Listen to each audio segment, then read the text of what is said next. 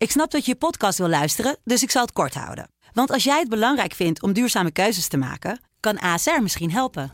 Nou hoor ik je denken, hoe dan? Nou, bijvoorbeeld bij het duurzaam herstellen van schade. Of de premies die we beleggen volgens ons duurzaam beleggingsbeleid. Dat bepaalt waar we wel en juist niet in investeren. Wil je meer weten over welke duurzame keuzes ASR maakt? Ga dan naar asr.nl slash duurzame keuzes. ASR doet het. Zo, dan kan je nu lekker naar je podcast luisteren. Dit is de voetbalpodcast Kick-Off van De Telegraaf. Met chef voetbal Valentijn Driesen en Pim CD. Uiteraard weer met Ajax-watcher Mike Verwij en PSV-watcher Erik van Haren. Want we gaan terugblikken op die kraken in de Johan Cruijff Arena. Ajax-PSV 3-1 natuurlijk. Wat heeft dit voor gevolgen voor beide teams? Hoe gaat de competitie nu verder? Nou ja, we hebben hartstikke veel om te bespreken natuurlijk. Welkom uh, allemaal. Um, eerst nog even een uh, bericht in de krant van, uh, van dinsdag over Edson Alvarez, de Mexicaanse verdediger. Ja, het lijkt erop dat PSV en Ajax niet alleen strijden om de titel, maar ook om, uh, om een verdediger. Erik, hoe zit dat? Ja, het is een verdediger, een international van Mexico. Die wordt al lang gevolgd door beide, beide, beide clubs. Um, ik denk dat de PSV op dit moment iets concreter is. Alleen, uh, ja, het is wel een transfersom van 10 miljoen uh, euro. Dat, ik wil niet zeggen dat het voor Ajax peanuts is, maar dat is wel een investering waar PSV uh, er niet twee of drie per jaar van kan doen. Dus ja. daar, dat, daar zullen ze wel tegenaan hikken. Valentijn zou ook meespelen dat, je, dat Ajax denkt van het is toch een goede speler. Ja, die willen we niet naar de grootste concurrent laten gaan. Nou, misschien een beetje prijsopdrijving. Hè? Ik geloof niet dat Ajax zo serieus is als PSV. En ik denk dat Ajax ook niet zo serieus hoeft te zijn als PSV. Omdat uh, we hebben van de week uh, Daniel Swaap gezien. En dan denk ik dat PSV heel snel uh, 10 miljoen moet uitgeven voor die jongen. En hem snel moet binnenhalen. Want met Swaap, ja, daar ga je het niet mee redden. Dat nee. is wel duidelijk. Oké. Okay. Mike, jij bent natuurlijk de Ajax-watcher. Hoe zit het met die Alvarez? Hoe ja, zijn ze? Het, het is wat Valentijn zegt. Er is gesproken, vorig jaar al. Maar dat is niet heel serieus. Hij is een van de opties bij Ajax. En ik denk dat het inderdaad misschien ook wel een beetje bedoeld is om de prijs op te drijven. Hmm. Ik denk dat Ajax veel meer op zoek is naar een, uh, naar een linksbenige centrale verdediger. Ja. Die ook als linksback kan spelen. Vandaar ook de naam Piri. Maar er wordt ook in Zuid-Amerika gekeken. En ik denk dat er een beetje wordt voorgesorteerd op Deli Blind naar het middenveld. Uh. Ja, er, wo er, wordt natuurlijk enorm veel gespeculeerd. We hebben het al over al die namen gehad. Ik zag zelfs, geloof ik, Jan Vertongen nog, uh, mm. nog vallen laatst. Ja, maar dat, dat is al ontzenuwd door, uh, door Mark Overmars. Hij is wel gepolst, maar de Belgen, Jan Vertongen en Toby Alderwereld die vinden het op dit moment te vroeg om, uh, om terug te keren. Oké, okay. duidelijk. We gaan zo naar de stellingen. Nog even een hele korte ronde daarvoor. Um, wie is momenteel de titelfavoriet, Erik? Ik zeg toch nog steeds PSV. Mike? Ja, Ajax. Valentijn? Ik blijf ook bij Ajax. Oké, okay, duidelijk. Op naar de stellingen. PSV bezwijkt onder de druk. Erik, ja, ja, ja duidelijk ik, hè? Ja, leuk dit. Ja, dan moet ik natuurlijk oneens zeggen, anders haal ik mezelf naar beneden. Precies. Um, deze ook even voor jou, uh, Erik. Van Bommel mogen, maakte... Mogen we eindelijk op zeggen? Wat zeg je? Oh, nou, dat mag hoor. Ja, PSV bezwijkt. Dat zijn we weer in dezelfde ronde aan nou, ja, ik, ik, ik, denk ook oneens. Ik denk dat ze gewoon één keer gelijk spelen. Oké. Okay. Valentijn, bezwijkt PSV onder de druk? Um, nou, ik, ik denk dat uh, het enige waar Ajax voor moet oppassen, en dan ga ik er naar Ajax toe, is dat uh, overvolle programma. Ik denk niet zozeer dat PSV onder de druk bezwijkt, maar ik denk wel dat PSV uh, na de winterstop heeft laten zien dat ze niet overal even makkelijk de punten halen. Ja, ik, ik moet toch werken aan die stelling, want ik hoor nu dat dat hele riedeltje alweer klaar is, terwijl we de, de, tweede stelling net gehad hebben. Maar we gaan gewoon even door. Valentijn, deze is ook voor jou. Van Bommel maakt de tactische fout tegen Ajax. Ja, Duidelijk. Eens. Uh, deze doe ik ook gewoon even, even voor jou nog. Feyenoord loopt zelfs Europees voetbal mis. Uh, nee, okay. oneens. Deze voor jou. Je moet Berghuis altijd in de basis laten beginnen. Uh, oneens. Mike, typisch Ajax om nu van Emmen te verliezen. gelijkspelletje? Nee, nee, oneens. Van Emmen kun je niet verliezen. Oké, okay, nou deze is dan even voor Mike en voor Valentijn. Een, een groot compliment voor Ten Hag is nu op zijn plaats. Uh, ja, eens. Valentijn? Ja, eens. Je, bedoel, of je doel denk ik op uh, de wedstrijd uh, Ajax-PSV en, en zijn wisselbeleid nadat Masrui is weggestuurd. Ja, vond ik dat hij de ploeg met zijn wissels aan een overwinning heeft geholpen. Ja, nou wordt er wel vaak gezegd dat eh Schreuder eh, een belangrijke rol heeft? Of eh, komt dit uit de koker van Schreuder? Of heeft Ten Hag echt zelf deze tactische vondst gedaan? Of hebben ze dat samen bedacht? Hoe gaat dat dan? Ja, dat, dat zal samen gebeurd zijn. Er was ontzettend veel overleg langs de, langs de zijlijn. Dat is, er, dat is er heel veel bij Ajax. Dus dit zullen ze samen bedacht hebben. Ja. Maar het is wat Fanta zegt. En waar, waren de toch, juiste oplossing. ja, en waar ik toch wel benieuwd naar ben, als je dan Magajan en Christensen inbrengt, dat zijn spelers die er, nou ja, niet het, het beste op staan binnen die selectie. Hoe zou dat voor de andere spelers zijn op het veld als dat soort spelers worden ingebracht? Word je dan toch een beetje zenuwachtig? Nou ja, ik denk dat ze vooral heel blij waren dat er een paar verdedigers bij kwamen. Want Ajax stond natuurlijk onder druk. En ja, Angelino en, en Lozano, dat, dat gevaar moest ingedampt worden. En dat werd op deze manier, eh, op deze manier wel gedaan. Ja, want eh Magajan die maakte ook nog, eh, nog een ongelukkig, ongelukkig balverlies, had hij bijvoorbeeld. Ja, nou ja, dat, dat kan natuurlijk altijd gebeuren. Je had natuurlijk ook die actie eh, waar Gakpo wel of geen buitenspel stond. Ja. Nou, twijfel moet je in feite voordeel voor de aanvallende partij. Dat deed de leiding dan niet. Maar ik, ik begreep heel goed waarom die de- dat soort gasten er allemaal op zetten. Maar het belangrijkste signaal vond ik eigenlijk wel dat die Ziyech eraf haalde. En dat was een eh, tactische wissel. En nou, daarvoor heeft hij Ziyech eigenlijk altijd laten staan. En Ziyech op een gegeven moment kon hij het gewoon niet meer aanlopen. En dan is hij zelf ontevreden dat hij eraf wordt gehaald. En dat begrijp ik ook, want dit soort wedstrijden wil je tot het eind toe eh, meemaken. Maar het was gewoon nodig om die linkerkant van PSV in te dammen. En daar was Christensen eh, was daar de uitgelezen persoon voor. Ja, nou ja, goed gedaan dus tactisch door Erik ten Hag. Opvallend was natuurlijk wel het middenveld, of misschien ook niet, hè, waarmee eh, Van Bommel startte met, eh, Mm. met Sadilek, Rosario en eh Hendricks. Valentijn, jij vindt dus wel dat de tactische fout heeft gemaakt? Of nou, niet- ik vond niet, de in, niet in de beginopstelling. Nee. Niet in de beginopstelling, maar wel daarna, zeg maar. ehm, eh, dat hij uiteindelijk geen creatieve middenvelder erbij heeft gezet. En hij is, hij heeft gekozen voor Gakpo en voor Donny Malen. Dat zijn twee aanvallers. Eén noodgedwongen wissel. eh Sainsbury voor eh, Viergever. Dat kwam omdat Viergever niet door kon.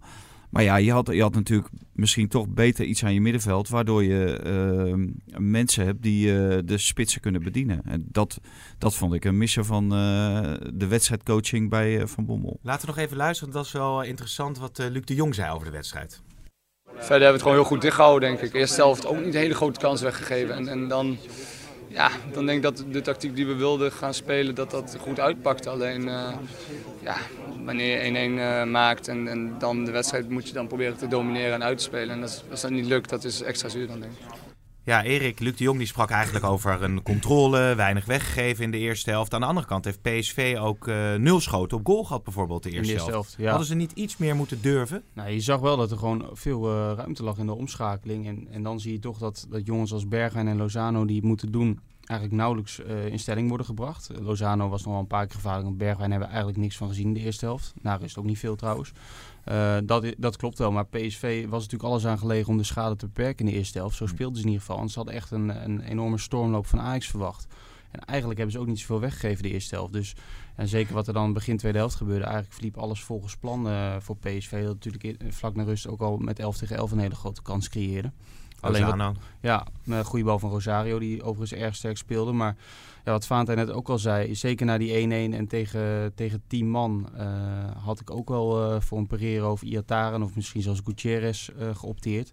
En Van Bommel legde dat uit als er lag veel ruimte aan de zijkanten. Maar ja, dat werd ook door die wissels van Ajax wel, wel een beetje ingedampt.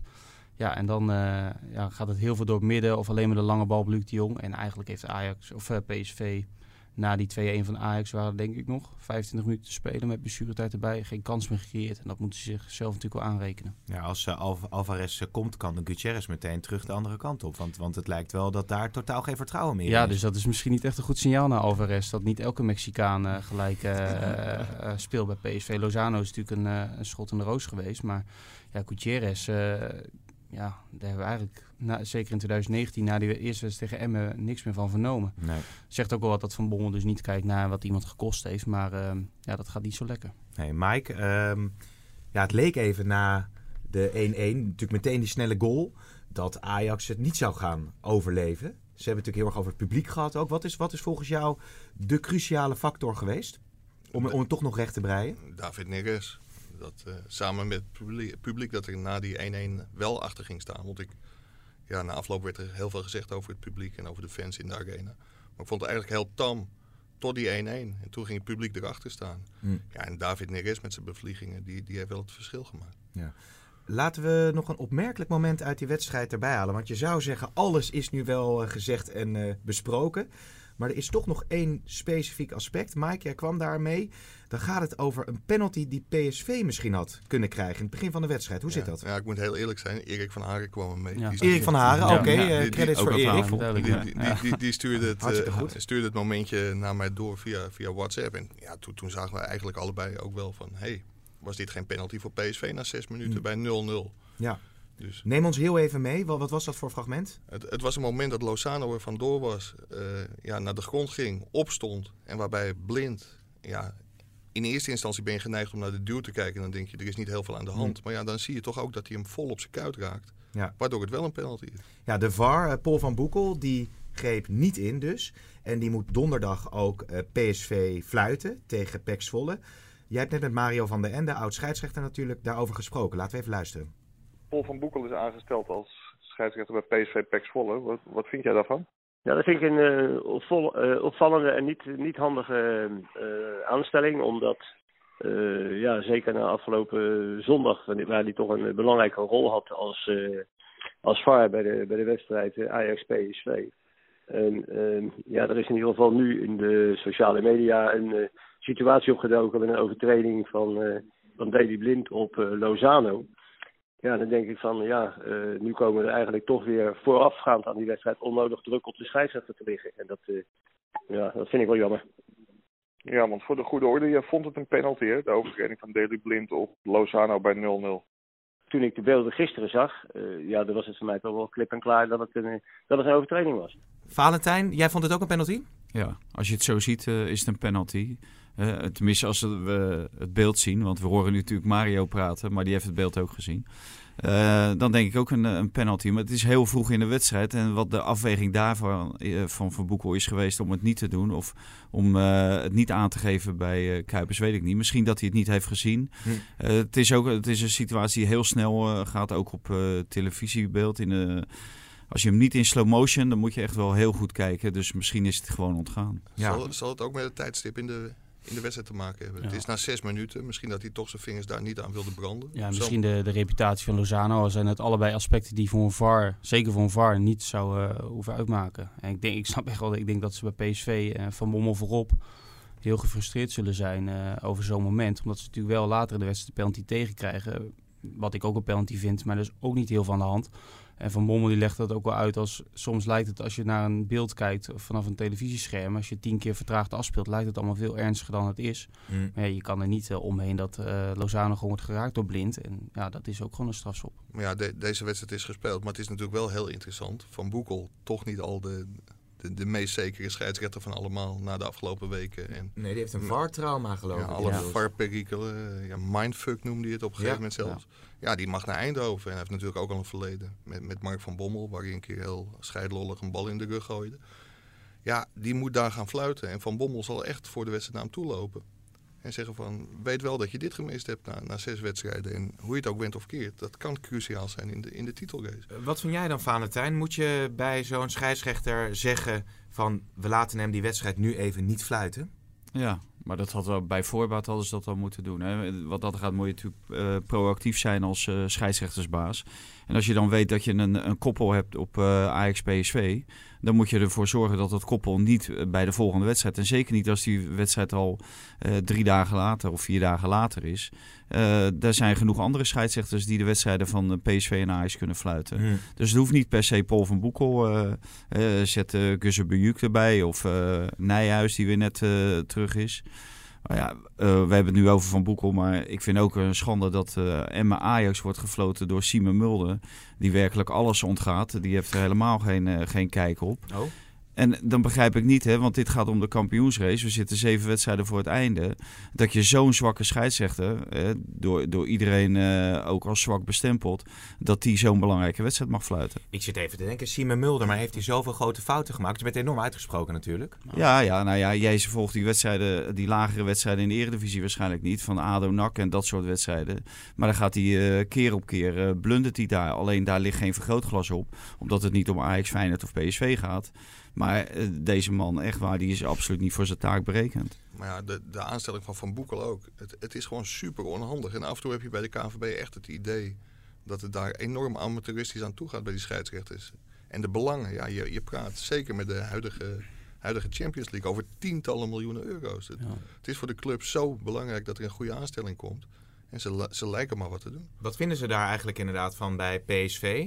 Je hebt je oor vast te luisteren Het, gelegd het daar. komt natuurlijk een beetje over van laten we elke scheidsrechter maar een keer eh, een wedstrijdje geven van Ajax of PSV. Hè? Dan eh, zijn ze ook een keer tevreden. En zeker in deze fase van het seizoen moet het daar niet over gaan. En ik weet dat er wel trainers en ook spelers zijn die als ze zien dat Simon Mulder fluit, eh, of dat nou op de wedstrijddag is of een paar dagen ervoor, dat ze denken van nou, dan wordt het een leuke middag. Dus ehm, ja, ik wil niet zeggen dat hij meer fouten dan goede beslissingen maakt, maar ik denk niet dat het heel verschilt. Dus het wordt, ook hij ligt er onder een vergrootglas woensdag. Zeker in deze fase van het seizoen waarin Ajax telkens voor PSV speelt. Ja, Ja. eh, daar wordt toch naar gekeken natuurlijk. Mooie taak voor de VAR in Emmen, waarschijnlijk. Maar nog, nog heel even, want ik, ja, precies. Nog, nog even, want waar ik dan toch benieuwd naar ben. ehm, dan zou je dus ervoor pleiten, Valentijn, om striktere regels te hanteren. Bijvoorbeeld als het gaat over eh, mag een scheidsrechter de wedstrijd na zo'n topwedstrijd weer fluiten? Of moet je Ja. bepaalde scheidsrechters aanstellen? Zou je dat dan in regels moeten ondervangen om Nou, dit soort regels, uitwas te Dat voorkomen? hoef je niet per se in regels te ondervangen. Dat moet gewoon common sense zijn. Je moet gewoon je verstand gebruiken op het moment dat je die gasten aanstelt. En wat je ook kan doen, zoals de UEFA, die stellen bijvoorbeeld eh, twee dagen voor de wedstrijd. Dus twee dagen voor de wedstrijd, dan eh, worden de tickets geregeld, of drie dagen voor de wedstrijd. En dan vliegen ze heel Europa door eh, om internationale wedstrijden te fluiten. Nou, je moet toch ook eh, rustig kunnen aangeven, bijvoorbeeld bij uh, van op eh, zondagavond, eh, jij fluit, dinsdag fluit jij eh, Willem II bijvoorbeeld. Dus Ja. dat moet toch geen enkel probleem zijn. Nou, benieuwd hoe de KNVB op deze ideeën Ah, gaat die, die reageren. gaan helemaal niet reageren, want die blijven gewoon in een ivoren toren zitten en die doen gewoon niets. En we hebben pas natuurlijk ook heel gek gekeken. Volgens mij was het voor PSV Feyenoord. Dat er, dat er een paar scheidsrechters naar dat eh, congres in, wat was het, Qatar werden gestuurd. Ja, dat, dat, ik vroeg dat toen aan Van Bommel op de persconferentie. En hij wist dat toen nog niet. Of hij, nou ja, hij wist het toen nog echt nog niet. Maar die kwam na de persconferentie ook naar mij toe van, is dat echt waar? Of, eh, en die, die zat echt vol verbazing te kijken. Want zij gingen voor de wedstrijd nog ja, op die wedstrijd zondag. maken. En er, waren, eh, er was een eh scheidsrechter vrij. Kuipers was toen vrij. En er, was, er waren nog een paar geblesseerd.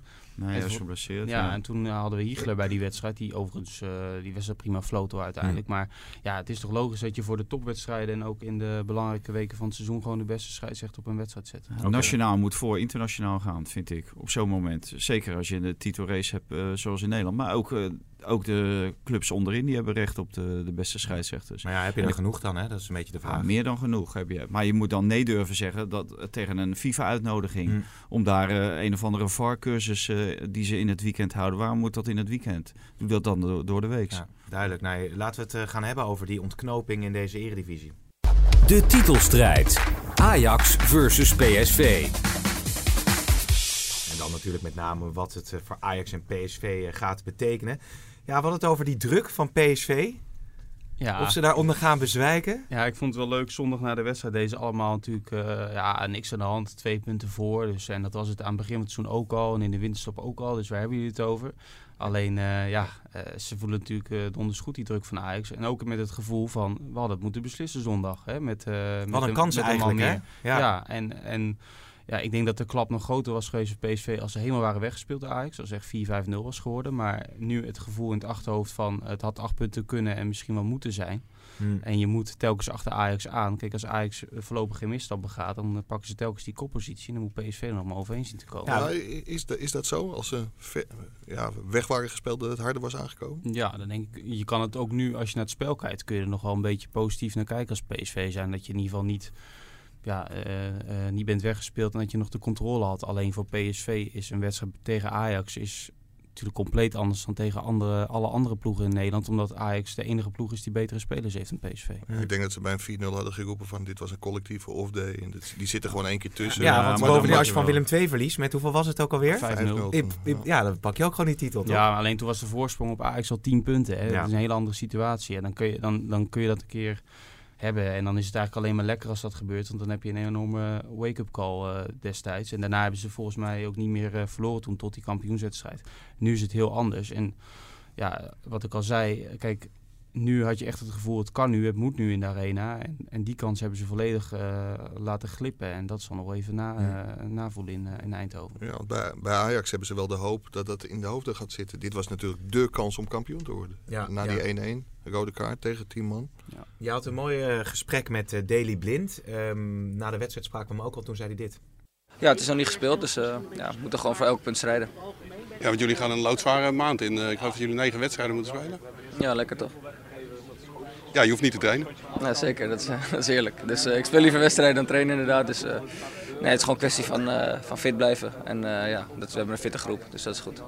Ja, dit was het gesprek na de wedstrijd. Voor de duidelijkheid, Mike, je hebt vooral geschreven hoe belangrijk blind voor Ajax kan zijn in die ontknoping.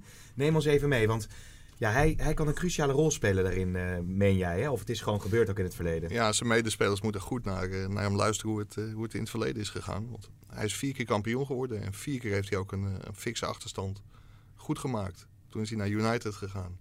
En vervolgens is Ajax vier keer geen kampioen geworden. Dus ja, er wordt veel van blind verwacht dit seizoen. Maar wat kun je dan doen als speler uh, om wel dat verschil te maken? Ja, dat zijn alle clichés van wedstrijd tot wedstrijd leven. Het zijn allemaal finales. Maar Ajax moet gewoon nu elke wedstrijd winnen. En hopen op een misstap van PSV. Mm.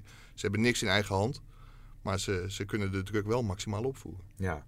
Maar denk jij dat ze dat elke wedstrijd kunnen gaan opbrengen? Ook nu Juventus er nog tussendoor komt? Ja, ja dat is de grote vraag. Dat zegt Vaanten ook, ook terecht. Als je het programma ziet met, met acht wedstrijden alleen al in, in april. Mogelijk een negende als ze de halve finale van de Champions League halen. Dan zullen ze daar niet heel gauw om zijn als dat lukt. Hmm. Ja, dan, dan wordt het wel super druk. En ja, kunnen ze dan elke wedstrijd winnen? Ik, ik weet het niet. Blijft iedereen fit? Uh, ja, dat zijn vragen.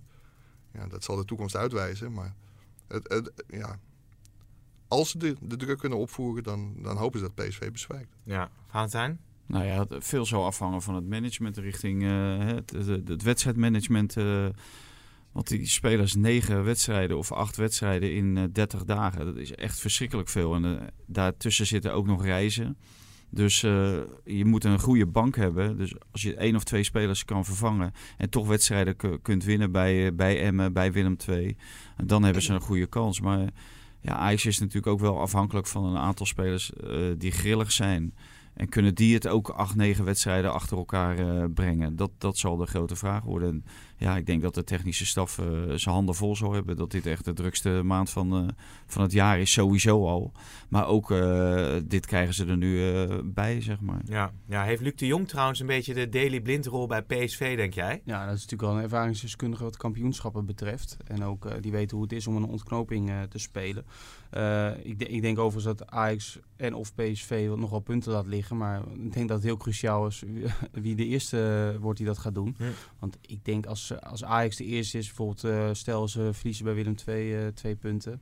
Uh, en PSV wint deze week wel van PEC Zwolle thuis. Dat mag sowieso geen probleem zijn, vind ik. En uit bij Vitesse. Ja. Kijk, dan is het gat weer vijf punten. En dan kun je het weer andersom zien. Dan, dan pakt PSV juist die kans. Ja, als Ajax heet de drukte op blijft houden, dan kan ik me niet voorstellen dat PSV alles blijft winnen. Ook wat Vaant en eerder al zei, na de winststop is het allemaal niet zo overtuigend als voor de, voor de winststop. En ja, PSV heeft natuurlijk ook al een paar keer heel, uh, heel veel geluk gehad. Hè? Heel veel ontsnappingen gehad al in de laatste minuten. Het is niet altijd geluk, maar ja, je doet het ook niet voor de lol dat je in de laatste minuut wint. Nee, en dan gaan die, die fans natuurlijk die, die wedstrijden vergelijken. En dan nou door de week Emmen, Pek Zwolle zouden ze dan allebei wel moeten winnen, normaal gesproken. Dan heb je Vitesse inderdaad uit en uh, Willem II uit. Willem II is heel erg in vorm. Spel wat misschien wel Ajax ligt, hè? Ja, op gewoon gras. Het, het, het ja, de rijkrekening is begonnen. Ik heb het ook allemaal gehoord. Ja. PSV moet naar Vitesse, maar volgens mij, dat weet Erik beter dan ik. Volgens mij hebben ze in het Gelderdoom nog nooit verloren. Nee, vorig jaar speelden ze ook een misschien wel beste wedstrijd van het seizoen. Of in ieder geval uh, een van de beste wedstrijden. Ja, en het is, het is, ja, je verwacht ook niet dat PSV punten verspeelt bij Emmen. Direct naar de winststop in een, in een, terwijl ze op dat moment pas één keer punten hebben laten liggen. Dus je verwacht ook niet dat Ajax uh, met 6-2 verliest in de Kuip. Dus wat dat betreft... Uh, uh, kan het ook zomaar, kan er ook zomaar een hele gekke wedstrijd tussen zitten. Ja, en even over Vitesse gesproken. Die, die Slusky, sorry dat ik je onderbreek, maar die, die was euforisch hè? Na die topper de Vitesse coach. Zei, nou, dit is een wedstrijd. Ik heb nog nooit zo'n mooie pot uh, gezien. Dan moet je hem gelijk ontslaan. ja, is dat zo? Misschien Ja. Slutski dit- diep onder de indruk. Ajax PSV Ah. voelde als een Champions League finale. Ah ja, nou hopelijk is het Champions, Champions, Champions League finale is beter dan, eh dan Ajax Finales PSV. zijn vaak slecht, toch? Zeggen ze. Maar Nou ja, het was wel. het was wel een eh, spannende wedstrijd. Dat wel. Hij dat. boeide, boeide wel en het was Ja. wel enerverend, maar het was geen goede wedstrijd. Nee. Overigens, als het heel lang spannend blijft, dan heeft Ajax wel een geweldig slot van de competitie. De ene na laatste wedstrijd uit naar de graafschap. Daar hebben ze volgens, Oh, mij, ja. volgens mij wel een verleden. En de laatste wedstrijd is tegen Utrecht thuis. En volgens mij zijn er ook wel wat Utrecht supporters die Ten Hag heel graag de titel door de neus willen boren. Dus dat, eh, Ja. Ja, en het, Misschien- speelt, het speelt misschien ook nog wel dat bij eh, sommige clubs de eh, rivaliteit met Ajax groter is dan PSV. Eh, Groningen met een, eh, met een trainer met een Feyenoord hart. Eh, stel dat op de laatste speeldag beslist wordt, eh, PSV moet naar AZ. Nou, ik weet niet of AZ zo blij wordt dat eh, Ajax een kampioen wordt. Ja, wel ik wat- denk dat het ook afhangt van eh, de stand op de ranglijst dan. Hè. AZ, Ja. Feyenoord, SC Utrecht, die spelen dan misschien allemaal nog om Europees voetbal. Ja. Dus dat zal ook wel meetellen. En ja, die sentimenten die leven Ja. vooral om het voetbal heen. Het is wel mooi, maar hè? vaak niet in de, in een groep zelf. Hoor. Je, je En denkt ook nu niet bij echt een alles. Bijvoorbeeld die scherpe, die, die, die, die keeper van Emmen die dan eh, Ja, op de lijst bij Ajax staat. Ja, ga maar een lekkere wedstrijd keeper. Ja, maar dat is de- spelen Dat is de je- oude truc van Ajax om de spelers te benaderen vlak voor de wedstrijd natuurlijk. Dat werd vroeger altijd gezegd. Ja, maar denk je echt, denk je echt Nee, dat het zo is? niet, nee. Nou ja, Nee, maar je hebt wel kijk, eens je het verbazing uit. Is, is het, zo? werd, het, werd, ja, het werd natuurlijk wel gezegd vroeger van Ajax dat het altijd heel opmerkelijk was dat Ajax net belangstelling had voor een speler tegen wie ze de volgende wedstrijd zouden Ja. moeten spelen. Nou, in, de- in dit geval eh, scherp en als keeper zijn, dat is natuurlijk wel lekker. Ja. Ja, ja, ja, nou ja het, eh, we gaan het er de komende weken nog uitgebreid over hebben. Ik wil nog heel even over Berghuis hebben. Er is natuurlijk veel over gezegd ook. Ehm, had je die niet gewoon in de basis moeten opstellen tegen Ja. Utrecht? Zo'n belangrijke speler. Ja, maar die stelling moet altijd spelen. ja dat, eh, Was dat weer geen goede stelling? nee, maar dan als hij de vrouw voor de trainer slaat, dan moet hij ook spelen, bedoel je. Weet jij wat hij op die training heeft gedaan? Dan hoeft hij toch niet altijd te spelen. Nou, ik, vond het, ik was zelf wel te Je spreken. hoeft niet altijd te spelen, maar, maar stelling. naar Nee. aanleiding van dit akkefietje had hij gewoon wel Wat was, er altijd nou moeten spelen. wat was er nou precies gebeurd eigenlijk? Nou, hij, er wa- was een, eh, een schop of een klap heeft hij uitgedeeld eh, op de training. En daar zei de trainer wat van. En toen was hij tekeer gaan tegen de trainer. Dus er was een combinatie van. En dat vond schelden. Van Bronckhorst. Ja.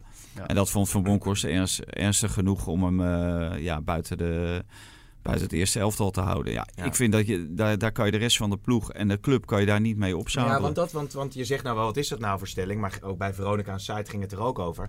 En toen werd ook gezegd, ja, een speler als Berghuis, die is zo belangrijk in zijn goals, in zijn assist.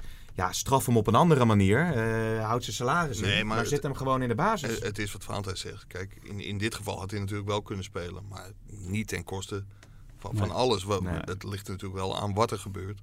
En ook de beste speler hoeft niet altijd te spelen als hij zich misdraagt. nee. Nee, we zijn niet bij geweest, maar ik, eh, als je het zo hoort, dan eh, lijkt het op zich al mee te vallen. En eh, Van Bronckhorst die zal misschien ook die beslissing hebben genomen om de boel nog een beetje op scherp eh, proberen te zetten. Al als je naar het wedstrijdverloop keek, eh, lukte dat niet echt. Nou, Berghuis heeft wel aardig op Ja, scherp gekregen. Berghuis Ja. wel, maar Maar, ja, van niet. maar het was vooral communicatief Nou, natuurlijk. inderdaad. Want Ja, heel zei er niks over. Advocaat die zei er al, die moest al een beetje Ah, Van lachen. Van Bronckhorst zei er wel wat over. Ja, hij Ja, zei gewoon iets anders, dus Ja. dat is nog erger. Ja. Kijk, hij- fout? Ja, ja, vind- Ja. Als, je, ja, als je dat 20 minuten, wat maakt het nou uit als je het wel had gezegd? Ja. Zo kort voor de wedstrijd. Dat, Hmm. Wat heeft het nou voor invloed verder? Ja, ja precies. Maar maken we nu de, de totale ineenstorting van Feyenoord mee? Nou, daar lijkt het wel op, ja. Daar lijkt het wel op. En ze moeten nu tegen Herenveen in de Kuip. Nou, dan eh vrees je al met grote vrezen. Die kunnen best wel aardig voetballen. Het is vaak eh, op het laatste ontbreekt een beetje eh, de, de echte wil om te winnen. Altijd bij die Friese in de, in de Kuip. Maar ja, ik, ik voorzie al als dat daar fout gaat, dat dat reuring gaat opleveren na afloop. Ja, wat zou er dan... Je bedoelt- echt dat Nou supporters dit de- niet pikken? Nee, die, die, eh, die zijn nogal eh, licht ontvlambaar op dit ogenblik in de Kuip. Ja, ik zit trouwens eh, meteen even nog te kijken. De, de opvolger van Martin van Geel, is daar al het enige, is daar al witte rook over? Nee, nog geen witte rook. Maar dat moet natuurlijk wel zo snel mogelijk. Hm. Eh, want die selectie moet samengesteld worden, moet de voorbereiding in, in elkaar getimmerd worden. Ja, en dat eh, moet eh, samen met de technisch directeur, dat moet Stan met de nieuwe technisch directeur gaan doen. Ja. Wat natuurlijk weer raar is, want die technisch directeur die wordt opgezadeld met een trainer waar hij het misschien helemaal niet in ziet zitten. Waar je maar moet afwachten of hij het daarin ziet zitten. Ja. En ja, dat is natuurlijk eigenlijk wel weer de verkeerde volgorde. Dus eigenlijk weer een valse start naar volgend seizoen. Nee, maar als ik het woord puinhoop noem, ze- zet ik het dan te zwaar neer? Bij Feyenoord nu op dit moment? Nee, dat zet je het niet te zwaar neer. Nee. Het is natuurlijk wel opvallend dat Van Geel natuurlijk de nieuwe hoofdtrainer Jaap Stam heeft aangesteld. en vervolgens en eh, daarna nog zegt, eh, ook in onze krant, eh, ik blijf. En dan twee weken later weggaat. Hm.